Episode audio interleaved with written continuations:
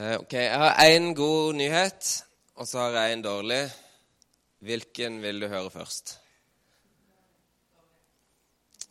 Ja, Det er godt, for det passer best med preken. Men det er jo eh, eh, Det er jo starten på ganske mange vitser. Jeg var litt usikker på om jeg turte å vise den bildet her, for jeg vet egentlig ikke om det er blasfemisk eller om det er morsomt. Men det det gjør, da, det er at det illustrerer et poeng, iallfall. Eh, for noen, når noen hevder at en uskyldig mann hengt på et kors, torturert i forkant og drept er gode nyheter, så er det helt på sin plass å spørre hvorfor i all verden er det gode nyheter. Og dette er jo et meme. Jeg vet ikke om du ikke vet hva en meme er for noe. Eh, noen gjør sikkert det, men det er et bilde med en tekst. Nei, dette er en eh, tegneserie, men en moderne meme da er det ofte bare et bilde, og så er det lagt på en tekst etterpå. Men for, det er ett bilde, og for at du skal forstå poenget i vitsen, hvorfor, dette, hvorfor det er noe poeng i det som står her, så må du forstå og vite litt om bakgrunnen og konteksten for bildet. Så for å forstå hvorfor dette hele tatt skal være i nærheten av morsomt, så må man vite noe om bakgrunnen, må vite noe om Jesus-historia. For ellers så blir jo dette bare bilde av en eller annen fyr som henger på et kors og lurer på eh, hvorfor dette er gode nyheter, eller hva er de dårlige, hvis dette er de gode. Ok, Så nå skal dere få et, eh, noen memes av meg, så da skal jeg teste dere litt. Noen så er kanskje språket en utfordring. Eh, men det dere skal Ta det med ro. Hvis du ikke forstår det, så illustrerer dette bare poenget mitt enda bedre. Eh, for du må kunne, må du kunne et språk, du må kunne noe om kristen kultur, og du må helst kanskje kunne litt om populærkultur i tillegg. For alle de tre, tingene her må være på plass for å forstå de neste bildene her.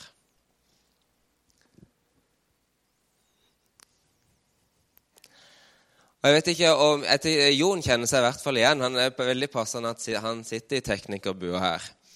Eh, ja, Det som står her, er at jeg ble bare med som tekniker for å slippe de der pinlige 'hils på de rundt deg'-øyeblikkene.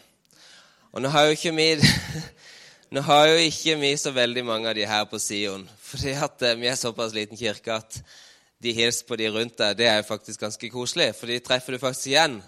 Men på sånne kristne konferanser så sitter du midt i en gjeng. Eh, du har kanskje noen på sida deg som du kjenner, men bak deg de kjenner du ikke. foran deg de kjenner du ikke. Og så selvfølgelig skal du hilse på de.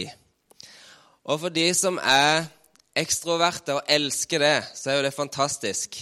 Men for oss som er litt sånn på andre sida av skalaen, så er det litt sånn bortkasta tid, altså.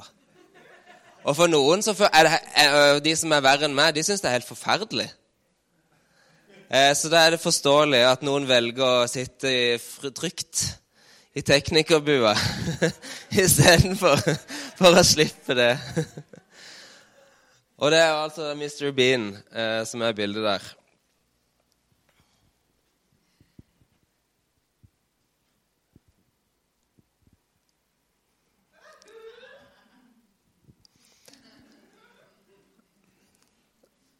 Altså, det, det, er nok noen jenter som faktisk hadde som kan, Jeg tenker kanskje noen kan kjenne seg igjen her. Spesielt jenter.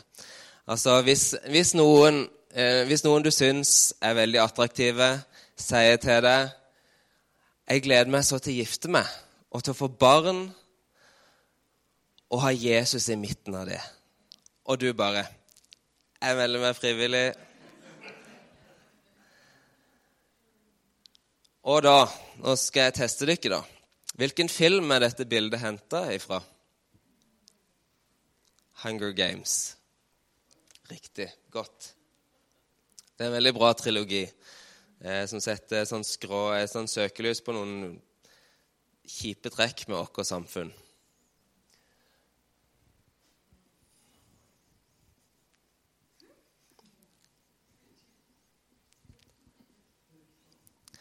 Jeg vet ikke hvem du er, men jeg vil finne det, og jeg vil preke for deg. Og hvis ikke du har sett denne filmen, så gir denne setninga veldig lite mening. Men den er henta fra en film som heter Taken. Og eh, da det da Da skal han ikke preke for dem, men han skal drepe dem. Eh, for de har vært veldig kjipe med noen han er veldig glad i. Eh, de har tatt dattera, ja. De har kidnappa henne. Så han skal finne dem og ta dem og ta dattera si, og de skal få kjenne hvorfor. Men eh, kanskje noen eh, kan eh, kjenne litt på at noen sånn, eh, litt sånn ivrige evangelister kan føles litt sånn av og til. Men det er eksempler på bilder som er helt uforståelige hvis ikke du har litt sånn bakgrunnskunnskap. Og det jeg tenkte at jeg ville gi dere i dag, er bakgrunnskunnskap for å forstå evangeliet. Og i og med at jeg kjenner dere, så vet jeg at de aller fleste her vet ganske mye om det allerede. Men jeg tenker det er så viktig at vi som kirke og vi som troende minner oss sjøl på dette her litt av og til. For det kan fort forsvinne litt i alle de gode nyhetene som vi snakker om. For vi er veldig gode til å snakke om gode nyheter, men så glemmer vi ofte å dra fram de dårlige. Og eh, Jeg har talt om dette før. For en par år siden så tenkte jeg nå er det på tide å dra det fram igjen. Med en litt sånn oppdatert versjon av det jeg har, med det jeg har lært i løpet av de to siste årene. Eh, jeg har egentlig Helt siden sommerferien så har jeg bare lest i romerbrevet på nytt og på nytt og på nytt. Eh, I forskjellige oversettelser, gang på gang. Forskjellige språk. Og det er stort sett i romerbrevet at vi skal holde oss i dag. Altså det brevet som Paulus skrev til de kristne i Roma rundt år, ca. år 55. Altså 30 år omtrent etter at Jesus døde og sto opp. Men før vi går til romerbrevet, så vil jeg begynne med å sitere ei salme fra Salme 96. Det er ikke så lenge siden han var oppe på et bønnemøte her, tror jeg. Men der står det Bøy dykke for Herren i hellig prakt, skjelv for Han hele jorda. Forkynn blant folkene, Herren er konge, verden står fast, den kan ikke rokkes. Han dømmer folkene med rettferd Himmelen skal glede seg, jorda skal juble, havet og alt som fyller det, skal bruse. Marka skal juble med alt han bærer, og da roper hvert tre i skogen av fryd for Herrens ansikt. For han kommer, han kommer for å dømme verden, og han skal dømme verden med rettferd og folkene med troskap. Ok. Hvem her inne liker å bli behandla rettferdig? de aller fleste Jeg vil jo helst det. Men allikevel så skjer det så sinnssykt mye urettferdig rundt forbi i verden. Og jeg syns dette her er et så utrolig godt bilde. For tenk, tenk på all den urettferdigheten som skaperverket, som naturen, har opplevd. Alt det uskyldige blodet som har rent ned på jorda, alt dritt og møkk og svik som skaperverket har vært vitne til opp igjennom. Det er jo ikke rart at skaperverket gleder seg til dommen, til når Gud endelig skal komme og gi folk det de fortjener. Når all den uretten endelig skal settes fram i dagslyset, og at folk må stå til rette for det de har gjort.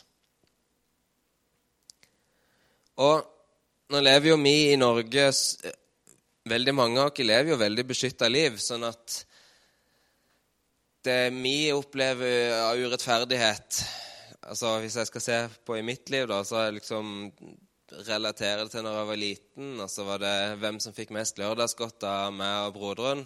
Det kunne jo være fryktelig urettferdig. Eller når mine elever bare Hvorfor i alle dager fikk han en femmer, og jeg fikk en firer. Vi skrev jo nesten akkurat det samme. Fryktelig urettferdig. Eller hvis noen føler seg forbigått på jobb av noen som kanskje var mindre kvalifisert, og så fikk de en forfremmelse istedenfor oss.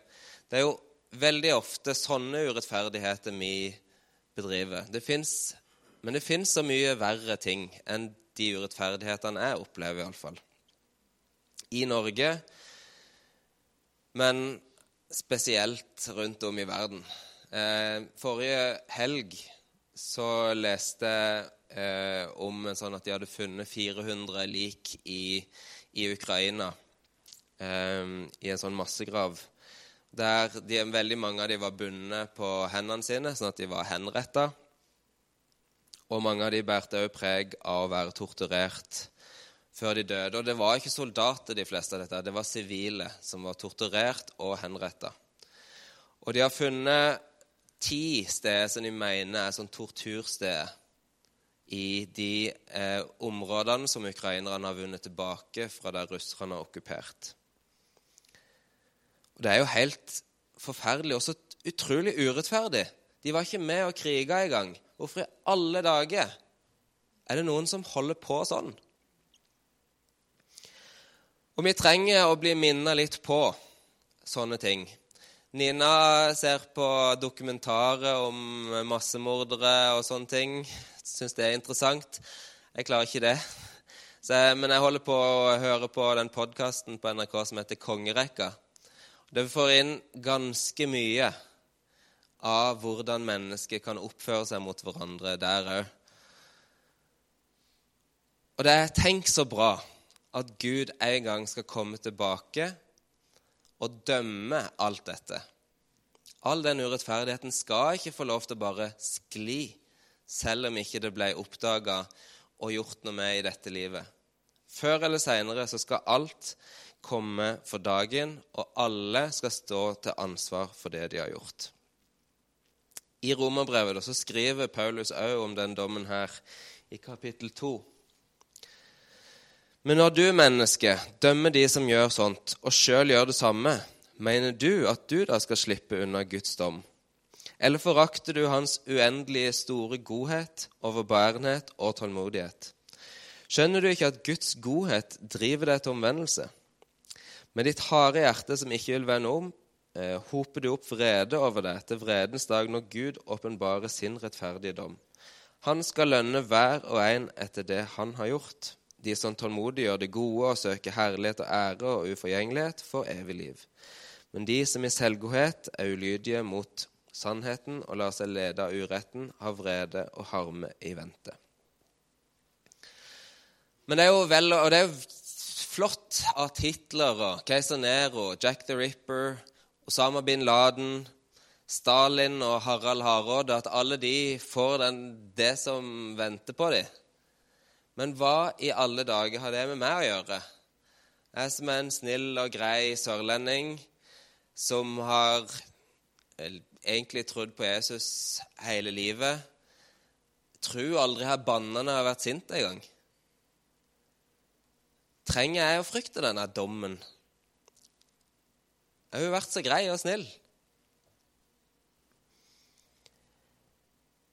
Og det er faktisk en økende trend i kristen Norge og i kristen verden at å tenke at det er godt nok å bare være gode mennesker.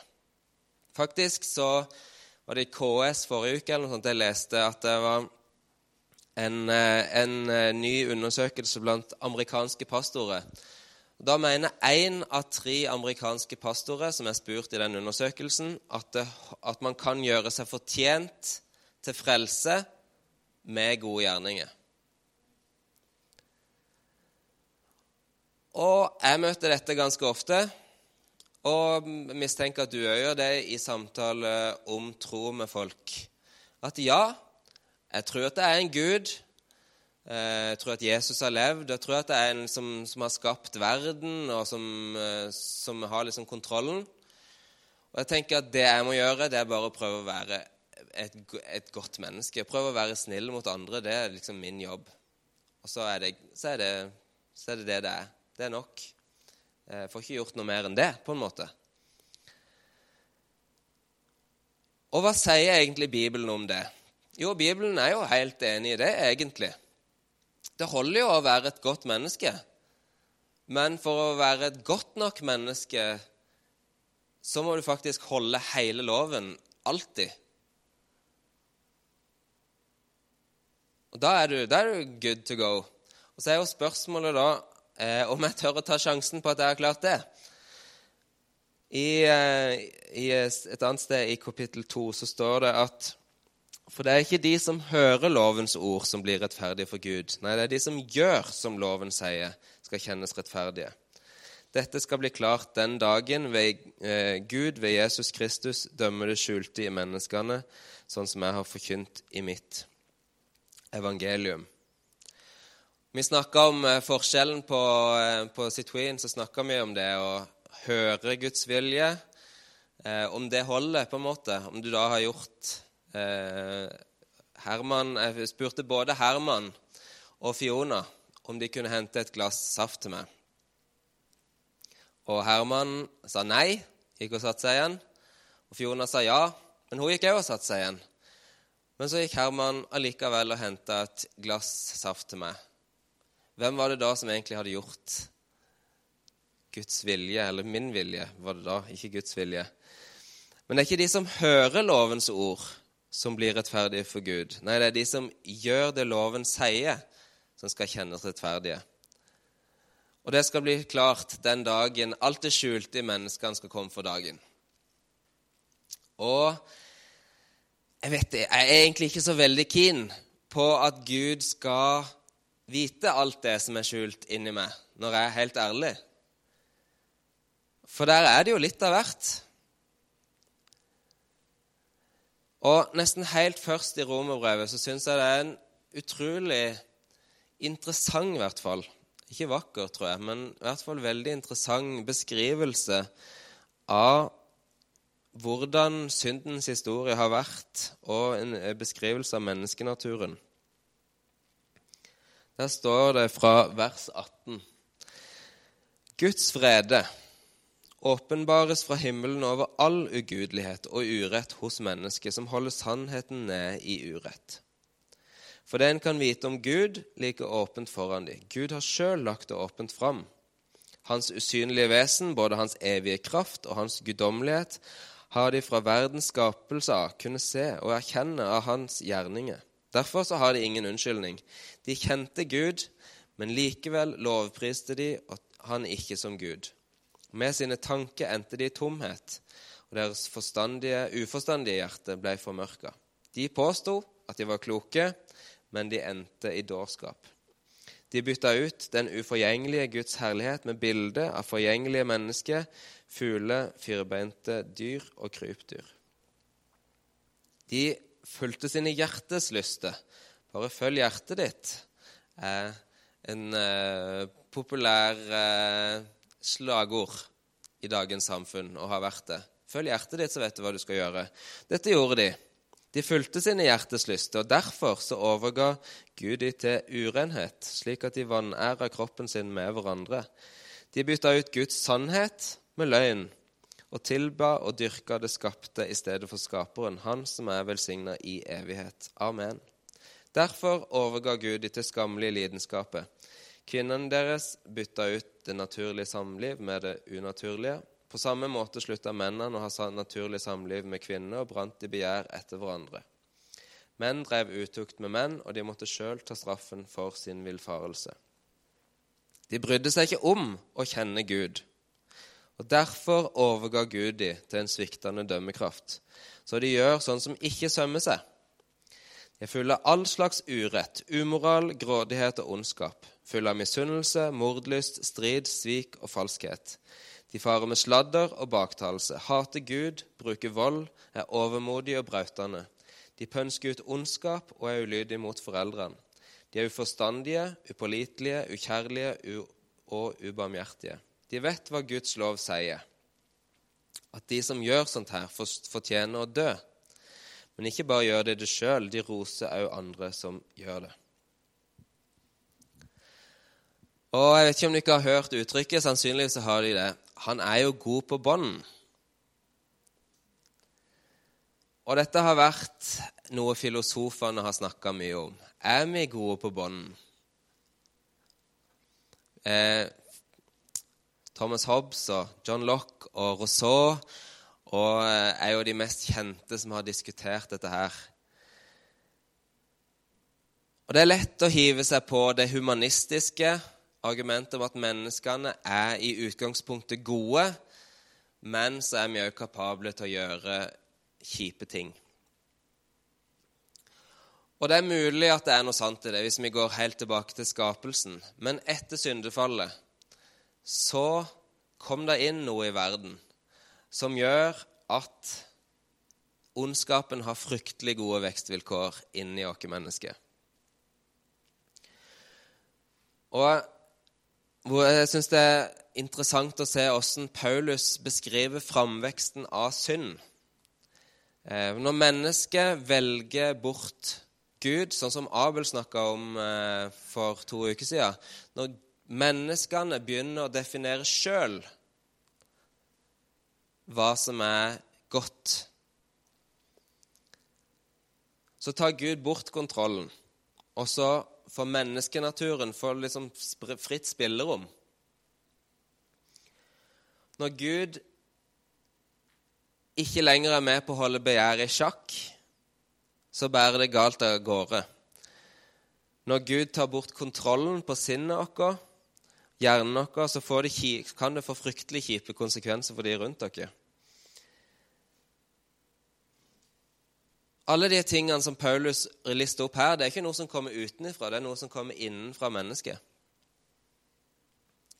Når vi begynner å bytte ut Guds sannheter med løgn, så har vi det gående. Og det kommer en dag da Guds vrede over all ugudelighet og urettferdighet hos mennesket skal bli synlig. Og Paulus slenger opp den smørbrødlista som er bak oss her, som inkluderer både det ene og det andre.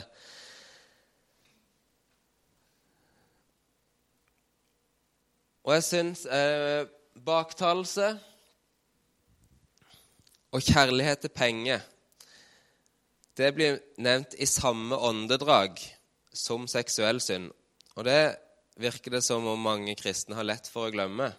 Faktisk så nevnes grådighet og kjærlighet til penger og gnienhet tre ganger så ofte i Nytestamentet som noe som vi mennesker må passe oss for. Og skryt og uvilje til å tilgi listes opp sammen med mord og vold. For loven, og det er jo det som er viktig, for mennesket, vi skiller mellom synder. Og kanskje riktig òg, for synder har jo, ulike synder eh, har jo forskjellige konsekvenser. Hvis jeg valgt eh, hvis jeg skulle valgt om noen skulle drepe meg eller å baktale meg, så hadde jeg valgt å bli baktalt. Eh, så den synden har ulike konsekvenser for oss mennesker. Men for loven så er synd synd. Absolutt all synd er akkurat like diskvalifiserende for å være rettferdig, for å holde hele loven. Om du holder deg unna de store i menneskelige øyne, så hjelper det ikke om du faller for de små. Og nå skal vi ikke ha en offentlig synsbekjennelse av pastoren her. Men jeg kan love dere at jeg har falt for flere av de her.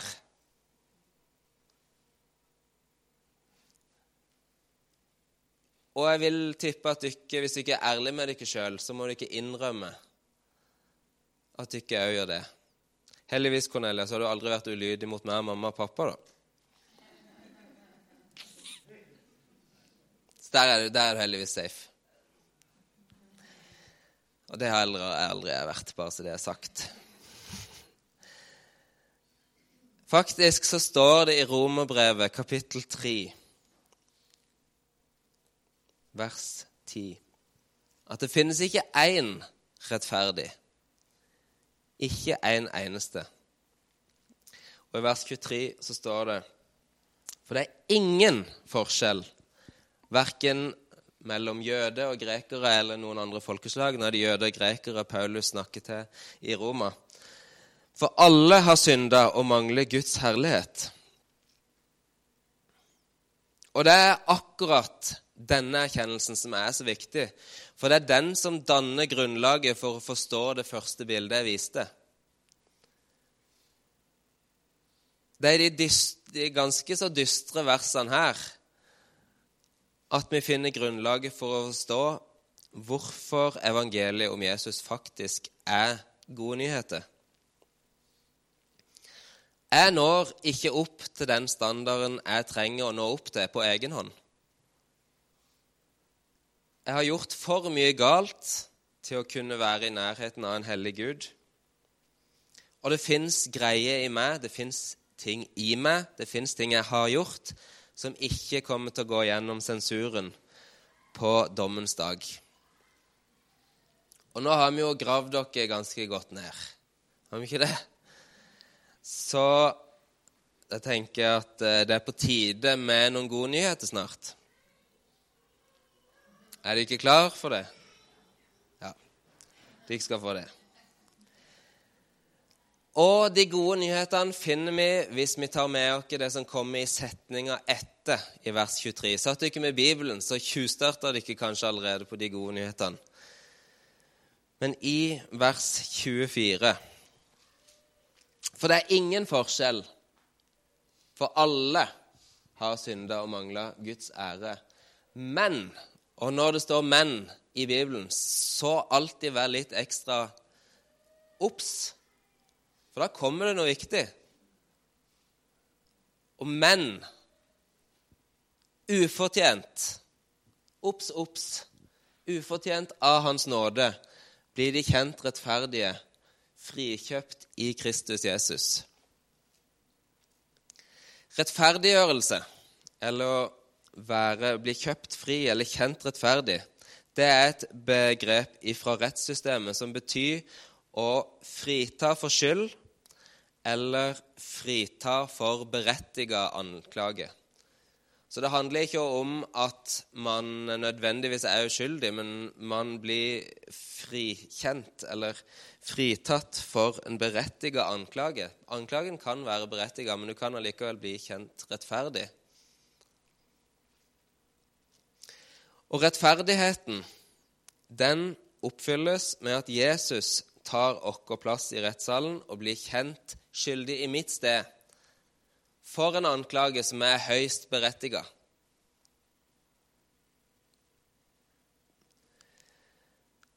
Og jeg har tenkt mye, og jeg liker å tenke. Eh, og jeg har ikke klart å lande helt på dette. Men jeg syns det er ganske drøyt at det jeg har gjort, skulle fortjene dødsstraff. For jeg har jo som sagt jeg har vært kristen og trodd på Jesus fra jeg var liten. Jeg vet ikke om jeg har banna en gang. Men jeg har vært litt ulydig mot mamma og pappa, da, hvis jeg skal være ærlig. Og litt andre ting.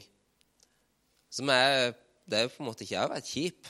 Det har jeg vært. Men dødsstraff, det er heftig. Så det har jeg tenkt på. da. Hvorfor alle dager, Gud, skulle jeg vært skyldig til døden? Hvorfor måtte Jesus dø for meg? Det virker veldig urettferdig, egentlig. Og for å kunne svare på det, så, jeg, så må en liksom inn i et litt sånn filosofisk tankeeksperiment. Og jeg er ikke ferdig der, og jeg skal ikke prøve å forklare alt for dere heller, men jeg vil i hvert fall ta dere med inn i selve eksperimentet, og så må dere jobbe dere videre derifra. For hva hadde skjedd med synd og ondskap hvis det ikke hadde endt med dødsstraff? Jo, synda ville jo aldri stoppa. Den ville på en måte ha levd evig. Så for at synd og urettferdighet og ondskap osv. skal ha en sluttdato før Gud skal skape en ny himmel og en ny jord, så må all synd dø. Det som er ondt, må ende i dødsstraff for at ikke det skal fortsette å forurense den nye skapninga. Og det er jo et Jeg vet ikke om jeg egentlig forstår det, selv om jeg på en måte kan kanskje klare å forstå litt av det. Eh, men jeg jobber videre med det. Men heldigvis, da, for meg og for deg, så har Gud løst dette med at all synd trenger en sluttdato, en dødsdom, med en stedfortredende død. Det var jo det de holdt på med i Gamle testamentet òg, en stedfortredende død av en geitebukk. Men en stedfortredende død for synd og ondskap gjennom Jesus. Så jeg håper da at jeg har lagt et grunnlag, eller iallfall gjenoppfriska et grunnlag, i dykket for å tenke på og huske på de gode nyhetene om Jesus. Og Jeg har lyst til å lese det avsnittet i Romerbrevet 3 fra en levende bok-oversettelse når vi nærmer oss slutta. For det, jeg syns det rett og slett er sabla bra oversatt. Sabla bra skrevet. Ble, jeg syns iallfall at det blir mye klarere. Men nå har Gud vist dere en annen vei til å bli skyldfri innenfor Han enn det å holde alt som står i Moseloven. Denne veien har Gud hele tida vist dere i Moseloven og profetene. Vi kan bli skyldfri for Gud gjennom å tro på Jesus Kristus. Dette gjelder alle, hvem vi enn er, uansett hvem vi er. Alle har synda og mista fellesskapet med Gud, Han som kan frelse oss og redde oss. Men nå har Han gitt dere en mulighet som vi ikke fortjener.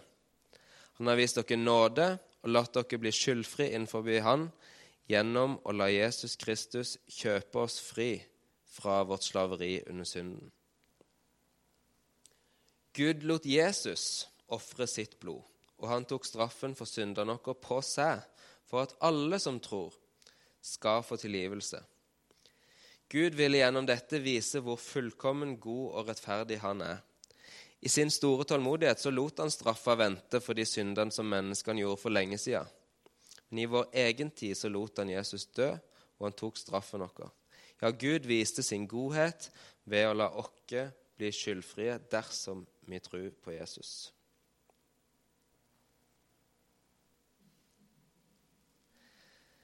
For når jeg forstår, sånn ordentlig forstår, at jeg er akkurat like stilt dårlig stilt overfor Gud som de som ikke har tatt imot denne ufortjente nåden i utgangspunktet.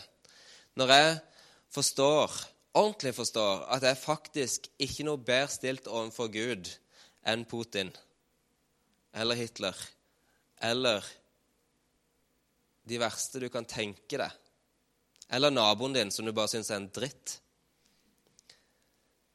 når du forstår, når jeg forstår at jeg ikke er noe bedre stilt overfor Gud enn han i utgangspunktet, så tenker jeg iallfall for min del at det er lettere Jeg håper at jeg kan klare å formidle de dårlige nyhetene på en måte som ikke er fordømmende. For absolutt alle trenger å høre de gode nyhetene. Jeg trenger å høre de, og du trenger å høre de. For ellers vil ikke de gode nyhetene gi noe mening. Uten de dårlige nyhetene først, så blir de gode nyhetene lite verdt etterpå. Uten at vi er klar over at vi ikke i utgangspunktet er rettferdige, så blir rettferdiggjørelsen helt meningsløs. Og uten at jeg forstår min egen synd, så blir nåden meningsløs. Spesielt relevant for de som er som har trodd hele livet og egentlig vært ganske snille og greie. Og for de da, som ikke tror, hvorfor i alle dager skal jeg ville bli frelst, ville bli redda, hvis jeg ikke vet hva jeg må reddes ifra? For at jeg skal sette fri, pris på frifinnelsen min, så må jeg vite hva straffa mi skulle vært. Og jeg tror det er så viktig at ikke bare de som ikke tror, vet dette, men at vi som tror òg er fullt klar over og husker på dette. For det er så fryktelig fort gjort å bli en ganske bortskjemt kristen. En litt utakknemlig, selvrettferdig og barnslig kristen. Når det egentlig bør være, er uendelig takknemlig for evangeliet, for Jesus og for Guds nåde.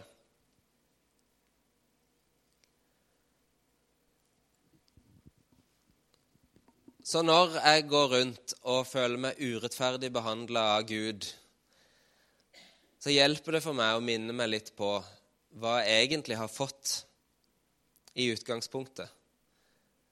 At jeg egentlig, når jeg går rundt og føler at jeg fortjener bedre, så er det fint å minne meg sjøl på hva jeg egentlig hadde fortjent.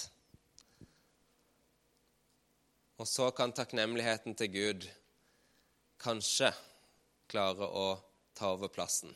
At vi kan tilbe Gud for det han har gjort, istedenfor å klage til Gud for det han ikke gjør. Og så har Gud alt godt for oss. Så det betyr ikke at vi skal slutte å be Gud om gode ting. Men ikke fordi jeg fortjener det, men fordi han er god. Det er en stor forskjell. Da vil jeg be litt til slutt. Og så eh, setter Jon på litt musikk eh, til slutt. Og så går det an å bli bedt for her foran, eh, eller eh, bare komme fram og bøye kne hvis du ønsker det. Og så kan vi få øve oss i å være takknemlige til Gud for det han har gjort i livet vårt. Jeg takker deg, Jesus, for at du valgte å ta straffa for meg i mitt sted. Og jeg takker deg, Gud, for at du lot Jesus få gjøre det. Jeg takker deg for at du har en plan for å gjøre opp for all urettferdighet som skjer rundt dere. Takk for at straffa er de og ikke oss. At det er du som skal ta deg av rettferdighet. Jeg takker deg for at vi kan få leve når vi tror på deg, Jesus, i en visshet om at vi er rettferdiggjort at det er ikke lenger noe som skiller oss fra deg. At det er ikke lenger noe som gjør at jeg ikke når opp. For du har fjerna alle stengslene. Jeg takker deg, Gud, for at du elsker alle mennesker akkurat like høyt som du elsker meg. Hjelp meg å elske de samme menneskene på samme måten som du elsker dem. Og hjelp meg til å kunne formidle, og hjelp oss til å kunne formidle et fullt evangelium. Ikke bare et utvanna, kilefolk under armene evangelium, men et fullt evangelium, som de faktisk forstår hvorfor det er relevant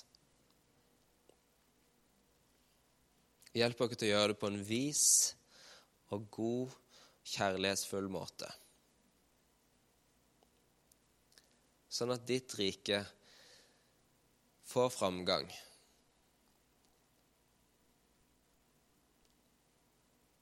Her i Konsmo, her i verden. Amen.